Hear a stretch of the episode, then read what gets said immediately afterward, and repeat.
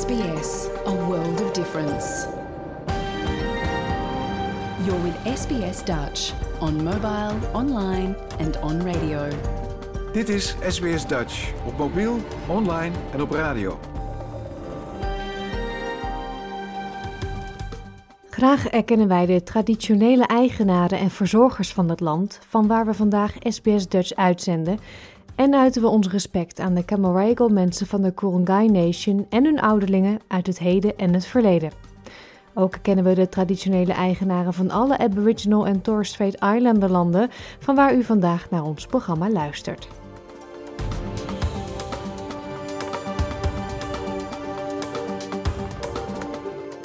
Hele goede morgen, mijn naam is Paulien Roesink. Het is zaterdag 3 juni en u luistert naar SBS Dutch, het Nederlandstalige radioprogramma van SBS.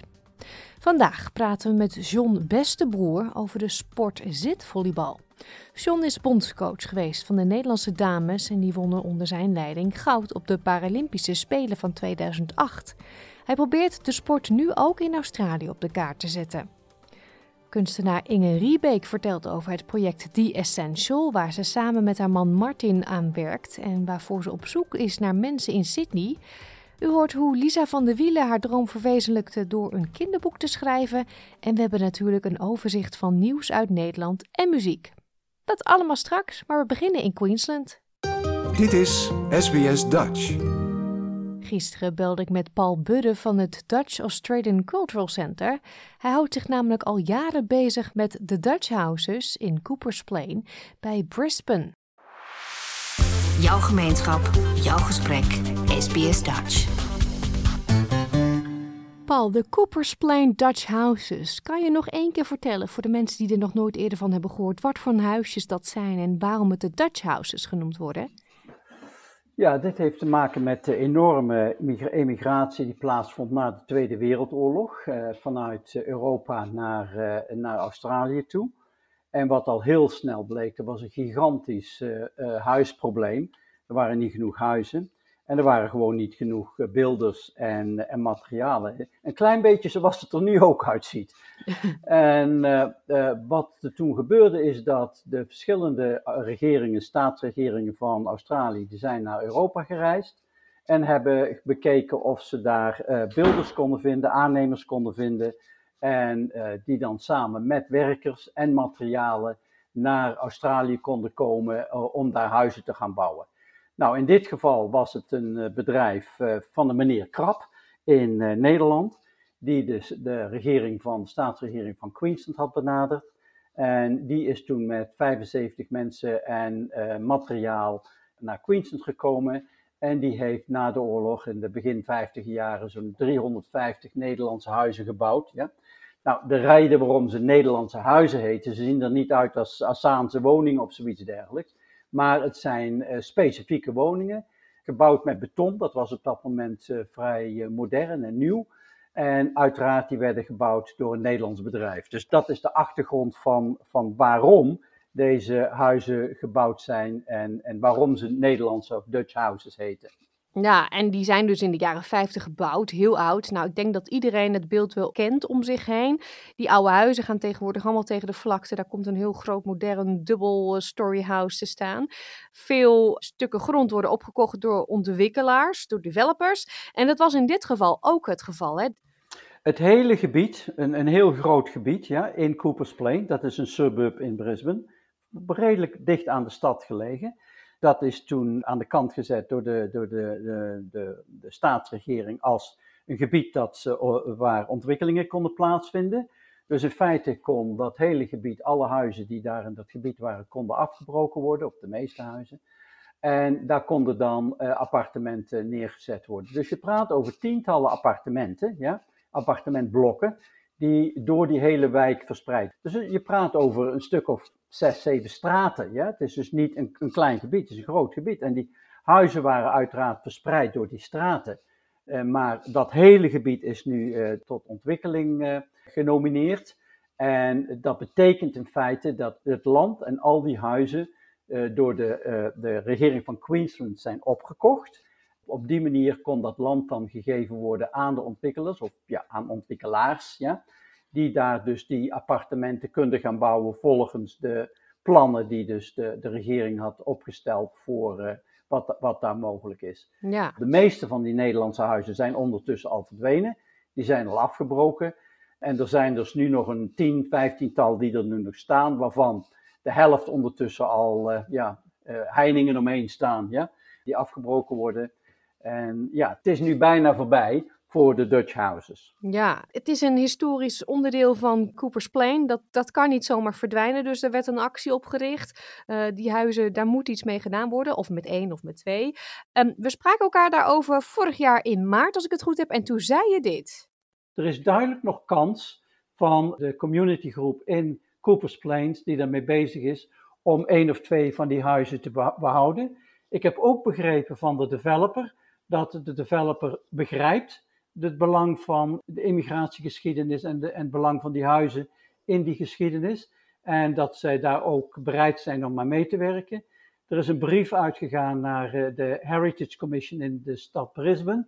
En daar eh, is ook een positief bericht op gekomen.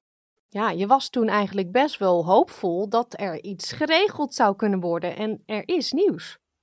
Ja, er is nieuws, maar uh, er is nog, zijn geen beslissingen genomen, dus dat is het punt.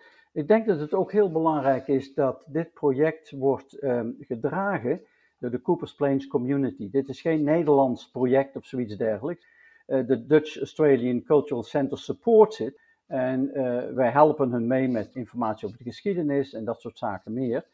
Want dat hele gebied waar Coopers Plain onderdeel van is, dat is eigenlijk het grootste gebied geweest waar eh, de, ook de Nederlanders na de Tweede, Wereld, Tweede Wereldoorlog in Brisbane gingen wonen. Dus dat is de voetbalclub, daar is, er zijn winkeltjes, daar zijn allerlei dingen die dus nog aan de Nederlandse geschiedenis herinneren. Dus dat hele verhaal past bij elkaar, het hele migratieverhaal past bij elkaar. Maar het is de local community in Coopers Plain die dus het initiatief heeft genomen. Ze hebben handtekeningen verzameld. Ze hebben één huisje, en dat gaat, daar gaat het niet om hebben ze uh, zo lang in gebruik gekregen om daar uh, een soort community center van te maken. En hun concentreren daar op dit moment de actie omheen. Nou, we hebben met, inderdaad met de developer gesproken. En de developer die uh, heeft gezegd, nou, wij kunnen het zo organiseren dat we dat huis alleen laten. Dus wij, wat, wat ons betreft, kunnen we daar omheen. Maar, zoals ik net al vertelde, die boel is opgekocht door de regering. Dus dat land en die huizen die ze opgekocht zijn, zijn eigendom van de staatsregering van Queensland en niet van hem. Dus hij heeft gezegd, moest luisteren, wij zijn bereid om dat huis daar te laten staan, maar dan moeten jullie uiteraard met de uh, staatsregering overeenkomen dat je dat huis als community café, dat is dus het voorstel dat, dat ze willen gaan, dat de community wil gaan doen, dat je dat als een community center waar we dus de geschiedenis kunnen vertellen van de Dutch houses en zelfs van, van de Dutch migration in, in een groter verband in Brisbane. Uh, en waar we dan op die manier een community center, museum, café van kunnen maken. Nou, daar ligt nu de boel een beetje stil, want die, de aanvraag van de Heritage is een langzaam proces, werd ons verteld. Dat kan wel twee tot drie jaar duren. Ja?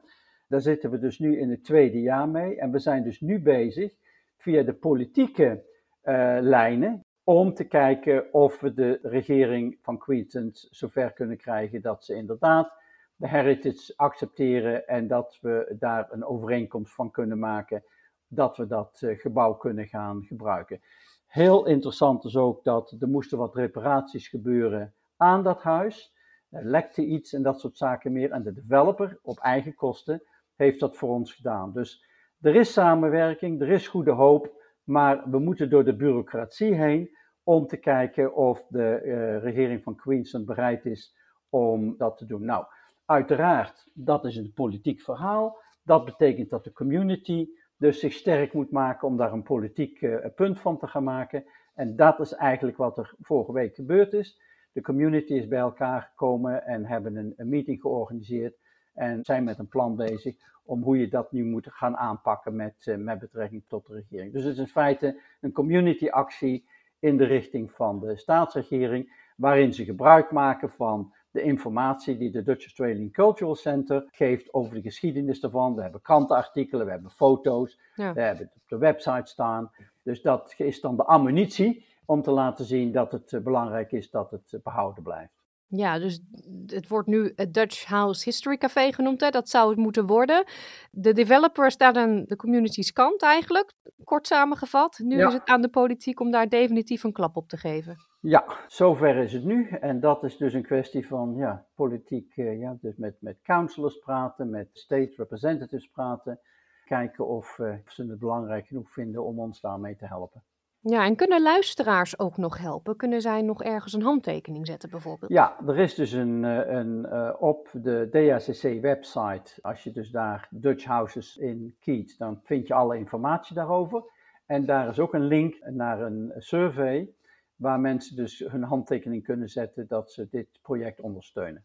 Nou, die link zetten wij dan ook op onze website www.sbs.com.au Dutch. En ondertussen, eh, keep up the good work. Geef ze al die informatie die ze nodig hebben om die overheid zover te krijgen. Absoluut. Ik heb net een heel nieuw verhaal geschreven over de Nederlandse geschiedenis in breder verband. Bijvoorbeeld, we praten over de Brisbane Lions, ja, een belangrijke voetbalclub. En die, eh, de lion komt van Nederland. Die hebben ook een oranje lion op een shirt. Hun shirts zijn oranje. Dus dat, er is een hoop Dutch heritage in dit gebied van, eh, van Brisbane. Ja, en daar kunnen ze niet zomaar aan voorbij gaan. Nee. Dankjewel, Paul. Graag gedaan, Pauline. Voor wie het net te snel ging. Dit is onze website www.sbs.com.au Dutch. Hier vindt u een link naar de petitie die u kunt ondertekenen ter ondersteuning van het behoud van dit stukje Nederlandse geschiedenis in Coopers Plain. Vastgoedmagnaat en bondscoach zitvolleybal. Niet veel mensen hebben deze twee functies op hun cv staan, maar de in Melbourne woonachtige John Bestebroer wel. In 2008 wonnen de Nederlandse dames onder zijn leiding brons op de Paralympische Spelen. Sindsdien heeft hij de sport in verschillende landen geïntroduceerd. En het is dan ook eigenlijk geen verrassing dat hij nu in Australië probeert het zitvolleybal op de kaart te zetten. Precies op tijd voor de Paralympische Spelen van 2032 in Brisbane. Dutch, woensdag en zaterdag om 11 uur 's ochtends of online op elk gewenst tijdstip.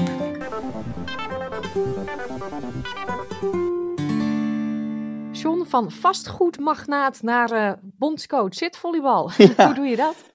Ja, niet zo moeilijk. Je verkoopt je zaken en dan eh, ga je op zoek naar eh, wat ontspanning, leuke dingen. En dan, eh, ik, ik zeg altijd tegen iedereen, per ongeluk ben ik in contact gekomen met, eh met zitvolleybal. Eh, planning was eigenlijk om een sabbatical te houden voor drie jaar. Maar na vier weken uitslapen en familiebezoek eh, kwam ik er al snel achter dat eh, niks doen wel heel lastig was. Praat ik over 2005. En uiteindelijk per ongeluk betrokken geraakt bij, bij het zitvolleybal. Ehm, een halfjaartje meegelopen als assistent bondscoach.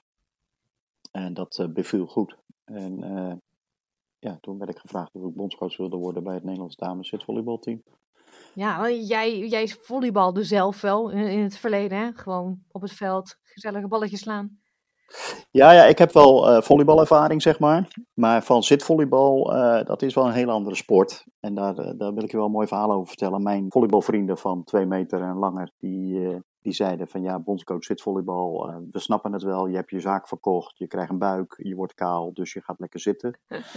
En toen heb ik uitgelegd dat zitvolleybal veel sneller gaat en zwaarder eigenlijk is dan volleybal. Nou ja, dat, dat geloofden ze niet. Dus ik heb mijn vrienden uitgedaagd om eh, al tenminste 15 minuten op de grond te gaan zitvolleyballen. Waarbij het belangrijk is dat je contact met de grond houdt op het moment dat je de bal speelt. En eh, als zij dat 15 minuten vol zouden houden, dan zou ik al het eh, drinken in de bar bestellen en betalen. En als dat niet zou lukken, dan zou ik alleen maar respect voor het zitvolleybal eh, willen. En na acht minuten stopten ze ermee omdat het te zwaar was. Dus vanaf dat moment werden het ook wel mijn ambassadeurs, want ze waren heel enthousiast over het spelletje. Ja, dat geeft ook gelijk een beetje aan waar, waar de knelpunten zitten met de sport zitvolleybal. Het woord zitten geeft de, de indruk dat het heel relaxed is. Hè? We zitten achter de computer, we zitten tv te kijken. Maar zitvolleybal is heel veel schuiven en heel veel bewegen. Heel veel Dus- kracht in je armen. Ja, dit, het is ook een andere manier van verplaatsen. Het, het, de, de schouders hebben een dubbele functie, want ja, je hebt je handen op de vloer, de vloer en ja, je verplaatst je met je handen, met je armen. en met je schouders. En op het moment dat je op de plek bent waar de bal komt, ja, dan moet die uh, schouders omhoog. Want ja, de bal moet gespeeld worden met je armen. Hmm. dus het, het heeft een dubbele functie daardoor. Ja, en, en wie, wie kan er zitvolleybal spelen? Zijn het allemaal mensen die hun been verloren zijn? Of die, uh... Nou ja, kijk, mensen in de, in de wereld zeggen dat zitvolleybal een Paralympische sport is. En dat klopt ook. Het wordt sinds 1980 is het op het uh, Paralympisch programma gezet. Dus is het een gehandicapte sport. Maar in Nederland bijvoorbeeld uh, wordt een zitvolleybalcompetitie gespeeld. En daar is 85% van de zitvolleyballers is valide en slechts 15% heeft een lichamelijke beperking. Sterker nog, er zijn teams die alleen maar met valide mensen spelen. Dus iedereen kan in principe zitvolleyballen. Enige voorwaarde is wel dat ze zelfstandig moeten zitten. Dus mensen die bijvoorbeeld gehandicapt zijn en niet zelfstandig kunnen zitten omdat ze paralyzed zijn of verlamd, ja, die vallen dan naar achteren en die kunnen zich niet verplaatsen. Nee. Dus je ziet ook mensen uit een rolstoel stappen, op de grond gaan zitten en opeens weer bewegen in een, in een andere vorm. Dus dat is natuurlijk ook het, het grote voordeel. En daarbij, het is dus goed voor de integratie, want ja, mensen met een lichamelijke beperking, op het moment dat iemand met één been in mijn team zit, vind ik dat heel vervelend dat hij één been heeft. Maar ik wil die wedstrijd wel winnen. Dus ja, ik verwacht wel dat hij uh, zijn best doet. Mm Dat zorgt ook dat de sociale contacten en dergelijke en het vertrouwen bij mensen ook uh, verhoogt. Mm. En toen jij in 2006 dan de bondscoach werd, hoe was het niveau, hoe professioneel was de sport toen in Nederland? Nou, het uh, zitvolleybal in Nederland was erg hoog. De sport is ook eigenlijk uitgevonden in Nederland. In 1953 uh, door, uh, door de militaire bond is zitvolleybal geïntroduceerd. En in 1979 is er door een Nederlander, Pieter Joon, eenheid gezocht met andere landen. En is er een bond, een wereldbond ontstaan. Waardoor het in 1980 op het Paralympisch programma kon, kon komen. Dat zorgde ervoor dat de zitvolleybal steeds populairder werd en Nederland op de grote toernooien ook heel goed presteerde. Verschillende keren Paralympisch kampioen, verschillende keren wereldkampioen. Het Nederlands dames zitvolleybalteam wat ik mocht gaan, uh, gaan trainen in 2006 was op het WK daarvoor net wereldkampioen geworden. Dus ik mocht de wereldkampioen gaan coachen en gaan trainen. Dus, nou ja, dan je kwam in een gespreid bedje. Ik, uh, ja, ik kwam bij de beste Althans, daar ga ik niet helemaal vanuit. Ik kwam bij het beste uh, terecht. Maar goed, je komt er ook wel snel achter dat je kan ook wereldkampioen worden omdat de rest niet zo goed is. En dat zeg ik een beetje negatief. Want uh, toen de tijd waren er maar een paar landen die het echt goed deden. Uh, China was heel populair. Bij dames zitvolleybal, Nederland, Slovenië. maar Amerika was bijvoorbeeld upcoming. daar zaten veel jonge mensen die, die het nog moesten leren. Terwijl Amerika nu de wereldtop is, Paralympisch kampioen, wereldkampioen geweest een paar keer. Dus je ziet dat dat toen een kwestie van tijd was. En helaas zien we dat Nederland wat, wat afgezakt is uh, op, de, op de wereldranglijst.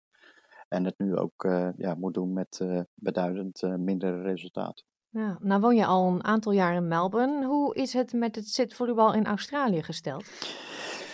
Ja, dat, dat is er niet. Dat, dat, dat is ook een van de uitdagingen waar ik graag aan, uh, aan wil werken. Iedereen vertelt mij altijd dat Australië een, uh, een sportland is. Maar als ik dan bij het volleybal bijvoorbeeld terechtkwam en bij de volleybal Victoria vroeg van ja, jullie zijn een sportland, waar kan ik hier zitvolleyballen? Dan was het even stil en dan werd er gezegd ja, dat hebben we niet. Dus ik heb ook altijd geroepen dat jullie een ontwikkelingsland zijn. Nou, als je dat tegen Australië zegt, dan deed dat altijd een beetje zeer als dat sportgerelateerd was. Uh, dus in 2021 heb ik ook wat nauwe contact gehad uh, om het zitvolleybal hier te introduceren. Ik heb wat uh, gesprekken gehad met Volleybal Australië, Paralympisch Comité Australië, Volleybal Victoria. Ehm, en daar is toen het een en ander wel in gang gezet. Nee, want waren die enthousiast of dachten die, nou, waar bemoeit die Nederlander zich mee? Laat ons lekker ja, rugbyen. Ja, Ja, misschien hebben ze dat wel gedacht, maar dat hebben ze niet geuit in ieder geval. En ik kreeg de indruk dat ze uh, eigenlijk wel blij waren dat ze zoiets hadden van ja, waarom hebben we dat eigenlijk niet? Hè? Uh, dan hangt het uiteraard een heel klein beetje vanaf aan de persoon in kwestie bij zo'n bond uh, of ze het serieus nemen, ja of nee. Nou, dat hebben ze in dit geval wel gedaan. Het helpt daarbij ook dat toen bekend werd dat Brisbane in 2032 de Olympische, maar ook de Paralympische Spelen gaan organiseren. Ja, dan komen er ook allerlei potjes vrij. En dan is een van de uitdagingen van ja, shit, we hebben wel een volleybalteam, maar we hebben geen zitvolleybalteam. Dus misschien moeten we zitvolleybal uh, uh, wat aan gaan pakken nu. En daarnaast is er in die paravolleywereld, is de uh, overkoepelende naam van para beachvolleybal en zitvolleybal. Maar para beach is bijvoorbeeld ook nog niet actief, dus misschien kunnen we dat op het programma krijgen in Brisbane. Er werd gehoopt dat dat in Los Angeles al zou uh, gaan gebeuren in 2028. Maar dat gaat dus niet gebeuren. Dus nou, de volgende spelen zijn dan 2032 om daar het uh, para beachvolleybal uh, op het programma te krijgen. Ja, maar dat is dus heel hard werken achter de schermen vanuit de Australische Volleybalbond. En jij hebt je dan eigenlijk een soort van aangeboden, moet ik dat zo zien? Van ik wil je helpen? Ja, dat heb ik inderdaad gedaan. Met die verstande dat Volleybal Australië uh, neemt de sport paravolley nu serieus. De afgelopen maanden uh, hebben ze een commissie samengesteld met allemaal personen die daar de paravolleysport aandacht aan gaan geven. En van 9 tot 12 juni wordt er voor het eerst een development camp georganiseerd in Canberra. Daar zijn de zitvolleybal en de uh, para-beachvolleybal uh, wordt daar uh, onder de aandacht gebracht. Daar zijn een aantal spelers die zich aan kunnen melden. En ik heb mij daar aangemeld als assistentcoach voor het zitvolleybal. Omdat ik zo mijn ervaringen, contacten, kennis kan delen met ja, de mensen hier in Australië. Ja, en het is in Canberra omdat daar zeg maar het papendal van Australië ligt, hè? Dat klopt, dat klopt. Ja, ja. dat is de Australian Institute of Sport is daar. En uh, volleybal Australië is daar ook gevestigd. Dus ja, vandaar dat het daar de eerste keer gehouden wordt. Ja, en kan iedereen zich aanmelden die denkt, nou, dat lijkt mij heel leuk. Ik, ik hou van volleybal, ik heb dat altijd gedaan. En zit ja. volleybal lijkt een uh, leuke uitdaging. Nou ja, voor dat, voor dat developing camp zoeken ze dus inderdaad spelers voor de nationale teams. Hè? Dus op het moment dat jij in een nationaal team zit en naar een, een internationaal toernooi gaat, moet je wel een lichamelijke beperking hebben. Dan heb je een zogenaamde keuring. Voor die keuring zijn twee niveaus. Je bent daadwerkelijk gehandicapt of je hebt een lichamelijke beperking. Uh, ik, ik, ben geen dokter, maar als ik iemand met één been binnen ziet wandelen, dan denk ik, nou, hè, die, uh, die mist er een. Uh, maar er zijn ook mensen die last hebben van knieën of gewrichten of spierziektes. Ja, dat kan ik niet zien of dat zo is. Dus er zijn uh, classifiers die daar dan allerlei uh, testen op doen. En dat zou het ook kunnen zijn dat jij beperkt gehandicapt bent. En daar zijn wat spelregels. Je mag als team maximaal één zo'n speler in je veld hebben. Mm. Dus daar zitten wel wat beperkingen aan. Maar je moet wel gekeurd worden. Dus het kan ook zijn dat mensen gekeurd worden omdat ze moeilijk lopen. Maar dat ze niet door de keuring heen komen omdat ze niet uh, beperkt genoeg zijn. Ja, ze lopen nog te goed dan eigenlijk. Ja, en het kan ook zijn, zeker mensen met knieën. En dat heb ik in het verleden wel gezien. Die werden inderdaad gekeurd om mee te mogen doen. Maar die gingen na een paar jaar geopereerd worden aan hun knie. En ja, toen deed alles het opeens weer. Hè, opeens in de roeizende zwoord. Dus ja, dat zorgde er ook voor dat ze niet meer door de keuring heen gingen. Mm-hmm. Ze moeten dus gekeurd worden. Moeten ze ook het Australische paspoort bezitten? Want je hebt het over nationale teams. Ja, ja het is zo dat uh, een van de regels is op het moment dat je voor een land uitkomt, hè, dan moet je wel een paspoort hebben. Ik weet dat er bijvoorbeeld in het team van uh, Groot-Brittannië in 2012, daar zat ook een speler van Zuid-Afrika, maar die had ook een Brits paspoort, dus die kon daardoor ook meedoen. Uh, ik zie ook in Nederland bijvoorbeeld een, uh, een speler met een, uh, een, paspoort uit Iran, dus die meedoet, en uit Rwanda, die dan meetrainen en trachten om in het Nederlands team te komen. Maar dan moet je ook wel een Nederlands paspoort hebben. En dat geldt hier dus ook in Australië. Hè? Dus je moet wel een Australisch paspoort hebben. Hmm, ja, en de timing om dit nu op te zetten, je zei het al, dat is natuurlijk met Brisbane in je hoofd nog ja. tien ja. jaar, negen jaar. Dus dat heeft even tijd nodig om zo'n hele, heel team op te zetten en te trainen. Nou ja, kijk, als je je natuurlijk richt op het nationaal team, dan richt je je op prestatie. Hè, en dan moet je dus inderdaad een lichamelijke beperking hebben. Maar ik zelf ben ook een voorstander. Ik heb ook uh, de afgelopen jaren in Afrikaanse landen bijvoorbeeld het zitvolleybal geïntroduceerd. Maar dat kan natuurlijk ook als breedte sport. Hè. Je kan ook gewoon mensen met een lichamelijke beperking van de bank halen en wat wij in Afrika deden, gewoon actief maken met de sport. En die zullen nooit in het Paralympisch uh, nationaal team komen. Maar die zijn wel opeens bezig met sport. Dus die krijgen meer zelfvertrouwen, sociale contacten. Uh, en dat zorgt ervoor dat je dan op een andere manier een bijdrage hebt. En daar ben ik zelf ook een voorstander van. Dus een van de redenen daarvoor is dat ik een, een non-for-profit gestart ben hier in, uh, in Australië. Om de sport te introduceren dan wil ik eigenlijk gewoon een competitie gaan organiseren zoals in Nederland. En daar kan iedereen naar meedoen. Daar gaat het dus niet om of je een beperking hebt, maar dan wil je gewoon leuk gaan zitvolleyballen. Dat lijkt me leuk. Ik ga op de grond zitten, leg het me uit en ik doe mee. Waarom heeft dat zitvolleybal jouw hart zo gestolen? Uh, ja, ik wou dat ik het wist, want onder andere streep heeft het me heel veel geld gekost tot nu toe. Maar het heeft uh, ja, een bepaalde bijdrage. Ik vind het heel opvallend om te zien dat mensen met een lichamelijke beperking heel veel dingen wel kunnen. Ik zie heel veel winnaarsmentaliteiten. Het is een kleine wereld, internationaal gezien. Uh, dat heeft voordelen, maar dat heeft ook wel nadelen, moet ik eerlijk zeggen. Want ik zie elke keer dezelfde officials op functies komen waarvan ik denk van ja, het zou goed zijn als daar verjonging uh, komt. Maar de sport op zich gaat vele malen sneller dan volleybal en is ja, veel aantrekkelijker om te kijken. Ik, ik laat uh, bij, bij sommige scholen en universiteiten, waar ik wel eens presentaties geef, korte filmpjes zien van een minuut of anderhalve minuut. En dan ja, de meeste mensen die het leuk vinden om het aan te horen, die zijn opeens super enthousiast geworden. Want die hadden zoiets van, zo, dat is snel. En als ze dan inderdaad, net als die vriendenploeg van mij, zelf op de grond gaan zitten, ja, dan blijken ze het nog leuker te vinden. Dus uh, ik heb een, een van die vrienden die toen uitgedaagd werd, die speelt nu ook zitvolleybal. Die is gestopt met volleybal spelen in Nederland, omdat hij zitvolleybal zo leuk vindt. Dus ja, dat is een soort enthousiasme. Hè? Ja. Ik, ik heb ooit iemand horen uitleggen hoe smaakt een aardbei? En dan zegt hij, ja, dat kan je niet uitleggen, dat moet je gewoon proeven. En dat is eigenlijk hetzelfde met zitvolleybal. Eh, soms moet je gewoon gaan zitten en het ervaren. Hmm, ja, dan heeft een sport geluk met mensen zoals jij, die daar dan helemaal vol voor gaan. Ik wens je heel veel succes de aankomende jaren. Om te beginnen natuurlijk met Canberra, met het weekend. Dankjewel, John. Dank voor de tijd en de aandacht. En natuurlijk blijven we John volgen in zijn missie om het zitvolleybal ook groot te maken hier in Australië.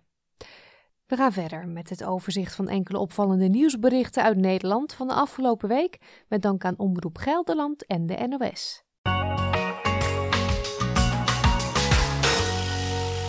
Wetenschappers van de universiteiten van Wageningen en Leiden proberen in een weiland bij Oude Aarde, vlakbij Leiden, risotto-rijst te laten groeien. Krijn Trimbos, onderzoeker Universiteit Leiden, legt uit waarom. Nou, we staan in de land, landbouw staan voor hele grote opgaven. En natte teelt zou daar mogelijk een oplossing voor kunnen zijn. Want? Uh, op het moment dat je, uh, zoals we dat in Nederland doen, grondwaterstand wegpompt uit het land, ontstaan er broeikasgassen die vrijkomen aan de atmosfeer. Daarmee daalt ook je bodem en het gaat gepaard met biodiversiteitsverlies. Uh, dus op het moment dat je dan weer de grondwaterstand omhoog zet, dan zou dat potentieel voor een omgekeerd effect kunnen zorgen. Maar er zijn ook andere broeikasgassen, zoals bijvoorbeeld methaan. En er is wel bekend dat in natte condities methaanproductie uh, verhoogd wordt. Maar dan schieten we er niks mee op. Nee, maar dat weten we dus niet zo goed. Dat gaan jullie onderzoeken? Dat gaan we onderzoeken. Boer Sander Roeleveld is betrokken bij het onderzoek en denkt dat ook andere boeren wel interesse zullen hebben in het verbouwen van risotto rijst. Ik denk wel dat er veehouders zijn die zeker aan het nadenken zijn over wat ze met hun toekomst moeten. Ja. En als, als wij kunnen aantonen hier dat er andere dingen mogelijk zijn op hun graslanden. Hè, dat, je, dat hij minder koeien neemt en dat hij naast die minder koeien ook iets anders doet. En daar ook mee kan verdienen. Uh, zeker, ja, zeker. Net als heel veel andere Nederlanders kreeg Carina Hulshoff corona. Ze werd daar flink ziek van en kampt nog steeds dagelijks met de gevolgen. Ik moet heel eerlijk zeggen dat het leven echt wel ontwricht is. Alles wat ik kon en deed, dat, dat lukt eigenlijk niet meer. Ja, dit is een pan soep, dus dat gaat wel. Dan kan ik eerst de groenten snijden en dan doe ik het één voor één in de pan. Um, maar ja, drie, vier pannen op het vuur met tegelijk schakelen en nadenken en daar aandacht voor hebben, dat is heel erg lastig. Ik slaap elke middag. Als mensen te snel praten, kan ik het gesprek vaak niet volgen. Ik kan soms niet adequaat reageren. Ik kan niet meer werken op dit moment. Dus het heeft op alles invloed. Ja, dat voelt zeker eenzaam. En ook dat het weinig begrepen wordt door mensen. Dat snap ik heel goed. Want mensen zien je en denken, och, die ziet er goed uit. Zelf ben je eigenlijk een compleet ander mens dan voor die besmetting. Volgens bijzonder hoogleraar Michel Druckers zijn er een paar mogelijke verklaringen voor de aanhoudende klachten. Eén logische verklaring zou kunnen zijn dat uh, de coronamaatregelen, die gepaard gingen met uh, toch elkaar minder kunnen ontmoeten, mi minder je normale leven kunnen draaien, minder contact met anderen, dat dat uh, zich toch doorvertaald heeft in concentratie- en geheugenproblemen. Een andere verklaring is dat de virusinfectie zelf heeft geleid tot een toename van dit aantal klachten. Een klein beetje goed nieuws voor Carina en andere mensen met long-covid, want deze week maakte minister Kuipers van Volksgezondheid bekend dat het kabinet 32 miljoen euro beschikbaar stelt voor onderzoek naar long-covid. De Koninklijke Landmacht heeft een nieuwe luchtverdedigingseenheid opgericht die zich gaat bezighouden met drones. Kolonel Jos Kuipers zegt dat de oorlog in Oekraïne laat zien waarom Nederland goed voorbereid moet zijn.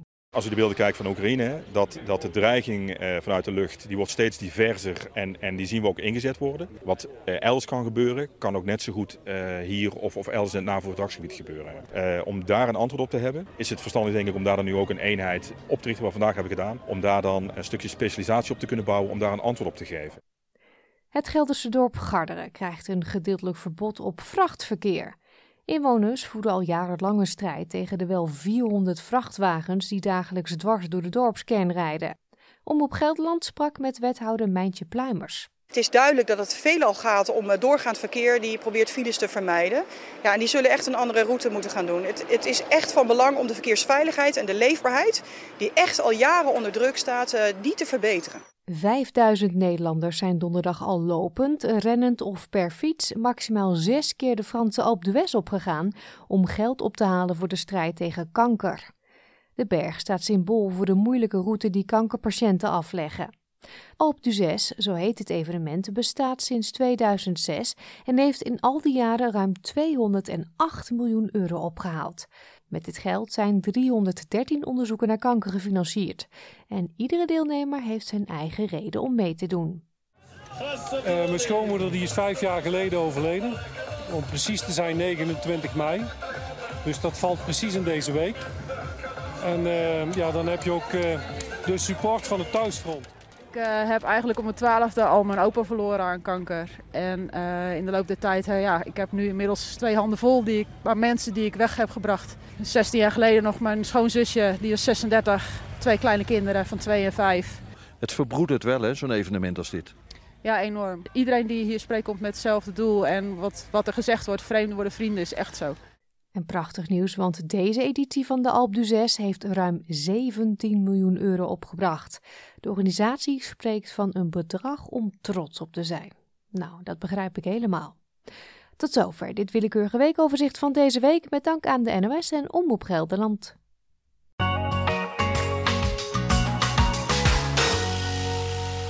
Martin en Inge Riebeek werken al jaren aan hun videokunstproject The Essential.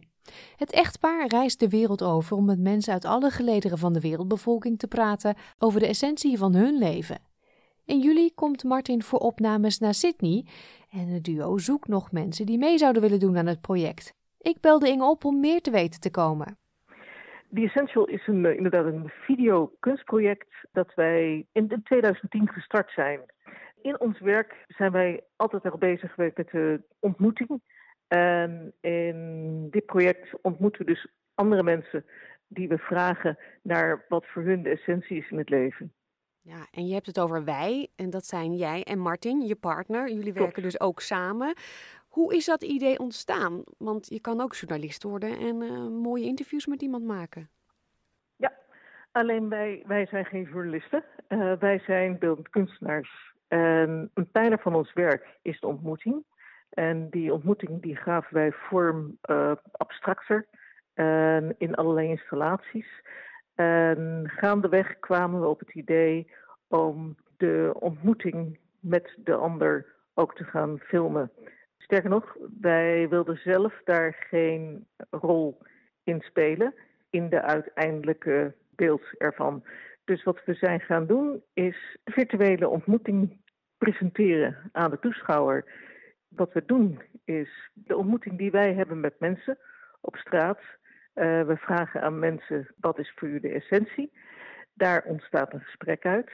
Het verhaal wat we horen van diegene, dat willen we dan graag opnemen op camera. En ik ga er nu heel snel doorheen, hè, maar het resultaat dat je ziet is iemand loopt op de camera af, stelt zich voor, vertelt haar of zijn verhaal en is vervolgens weer uit beeld. En dat worden dus hele korte documentaires van iemand. Ja, die jullie in Nederland misschien aanspreken op straat. Maar ja, jullie komen nu ook richting Australië, naar Sydney om precies te zijn, in juli en augustus. En ook hier willen jullie zo'n project doen. Ja. Dan wil je wel wat voorbereid hierheen, lijkt mij inderdaad. Ja, Australië, Sydney wordt onze 25e locatie. Um, het mooie is aan het archief wat we nu al hebben. We hebben meer dan 500 portretten die we daadwerkelijk gebruiken in exposities in musea. Je ziet de overeenkomsten van mensen over de wereld, maar je ziet ook de uniciteit van de verhalen. Wat ons betreft, en dat horen we ook terug van veel toeschouwers, doet het iets met het begrip voor elkaar. Wij zien in die ontmoeting met die ander absoluut een verruiming voor onszelf. Maar ik denk dat dat ook is wat we uh, meegeven aan de toeschouwers. Ja, gewoon meer begrip voor elkaar. Ja, we hebben een website van ons project. Daar staan heel beperkt een paar portretten op als een online expositie van mensen die daar expliciet ons toestemming voor hebben gegeven. En dat geeft een goed beeld van hoe dat werkt. Ja, we zullen die link op onze website zetten. Je zei net 25e locatie. Waar zijn jullie al zo geweest over de hele wereld? Um, Hongkong, New York, Nairobi, Accra, Parijs, Berlijn, um, natuurlijk in Nederland. Um, Echt overal? Op een hoop, op een hoop plekken, ja. ja. ja. En zijn het dan altijd Nederlanders die jullie portretteren? portretteren? Absoluut niet. nee, helemaal niet. Wat wij doen is juist het liefst mensen voor de camera laten komen en laten spreken in de taal waarin ze zich het meest thuis voelen.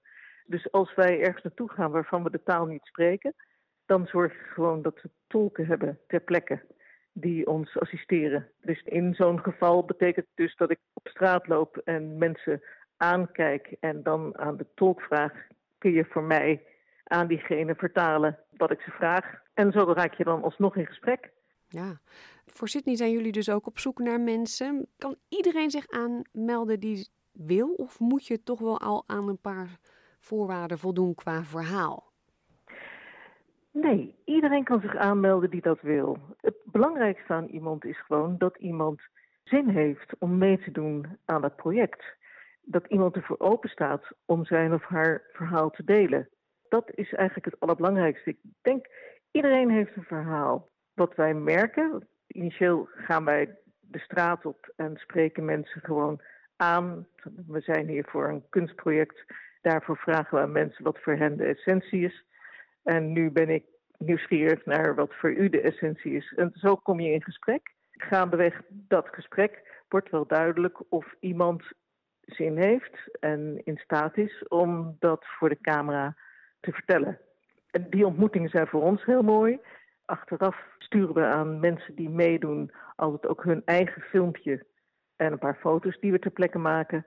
Want ja, je doet het samen je zult zien als je een paar van die portretten van ons bekijkt, dat diegene die voor de camera staat, daar draait het om. Die is heel belangrijk in dat hele gebeuren. Dus we zijn heel blij met mensen die met ons willen werken, ja. die hun bijdrage willen leveren. Uh, dus wat wij willen is een zo breed mogelijk spectrum. We willen eigenlijk alles voor de camera, zou ik maar zeggen. Dus jong, oud, activistisch, uh, juist heel blij. Alles is welkom. Ja, en uiteindelijk, je zei het al, jullie projecten, jullie portretten zijn te zien in musea. Waar bijvoorbeeld? Uh, op dit moment is er in Museum Gouda aansluitend bij de expositie daar ons onderdeel te zien. Dat is Stadslucht maakt vrij. Dat zijn dus portretten die passen in de essential, maar die gaan over vrijheid. Dus dan selecteren wij portretten bij elkaar die aansluiten bij dat thema vrijheid. En die zijn dan daar te zien. Ja. Zo werkt dat, ja. Ja. Nou, mensen die denken, ik wil mijn verhaal wel vertellen over de essentie van mijn leven, ga naar onze website www.sps.com.au Duits, want daar zetten we de linkjes naar de website van Martin en Inge en meer informatie. Ik wens jullie heel veel succes en ik hoop dat er maar hele mooie portretten gaan uh, geboren worden in Sydney. Dat hoop ik ook en dankjewel. Hoewel Lisa van der Wielen zelf niet in Nederland geboren is, voelt ze wel duidelijk connectie met haar Nederlandse roots. Tijdens de zwaarste periode in haar leven, onder meer door een hartoperatie en een scheiding, besloot de basisschoollerares te doen wat ze al langer graag wilde: een kinderboek schrijven. Inmiddels heeft Lisa uit Perth acht kinderboeken geschreven en won haar boek Little June vorig jaar de internationale Spaak Award. We spraken haar onlangs over deze dappere stap. Dit is SBS Radio Dutch. Well, Lisa van der Wielen, um, how many times do you hear it pronounced like that? Not many. Not many. Um, yeah, it it already um, shows that you have some Dutch heritage. Yes, I do. My father migrated from Holland in the 1950s. Your father, yeah. So you're second generation, born here. Yes, born here. And how Dutch do you feel? Very Dutch, actually. I definitely relate to the Dutch heritage that I have. Um, I have fond memories of my opera Norma uh, and growing up, a lot of the Dutch traditions and foods, uh, speculars, oliebollen. I'm certainly not a fan of roll mops, though. That's very old fashioned, I think. Yes. Do you know why your dad came here? Is that like the classic story after war? Yeah, after World War II, uh, my opera Norma basically sold up everything and came here on a boat. And they actually came to an area called Northam in Western Australia, which is really in the middle of nowhere. Um, and then, uh, yeah, set up home here in WA. Oh, yeah. So dad was born in the Netherlands. Yes. But he came here with his parents. Yes. Yeah. Yeah, it was not his decision. It was No, that's right. Do you know if he liked it? Did he miss the Netherlands at all, or was he very young and doesn't remember that much? No, he tells us lots of stories about when he came here because he was a teenager. And I think it was quite hard when he came here and went to school here. He was teased because he dressed very differently, he spoke a different language. So I think he found it quite hard initially as migrants. And I know he suffered really bad sunburn here with the weather. yeah, different sun here. Yeah, and you work as a teacher. yes, I'm a primary school teacher. Good on you. You do an important job. And you are an author. Yes, I'm a children's author. I've been a published author for five years now. How does a teacher start to write books? Was it something you've always been doing, writing stories? I've always loved writing, and as a teacher, you do a lot of reading children's books. And I guess I always wanted to start writing books of my own, but it wasn't until I went through some really difficult things in my own life that I actually started writing my own stories. So I guess through going through difficult times, I went back to doing things that I loved doing, and writing was one of those things. So I guess I kind of fell into becoming a children's author through going through some some difficult times. Mm, was it therapeutic for you? Yes, absolutely. I think, like anything, when you, I had open heart surgery and a pacemaker. Um, my marriage ended when I was pregnant with my second child, so there was lots of things I was going through, and I found I had to go back to doing things that I loved doing, and writing was one of those things. So creativity, it's really important for your mental health to go back to doing things that you love doing. It's so important. And did you already have in the back of your mind, like, I want to publish, or was it just writing, just doing it because you liked it so much?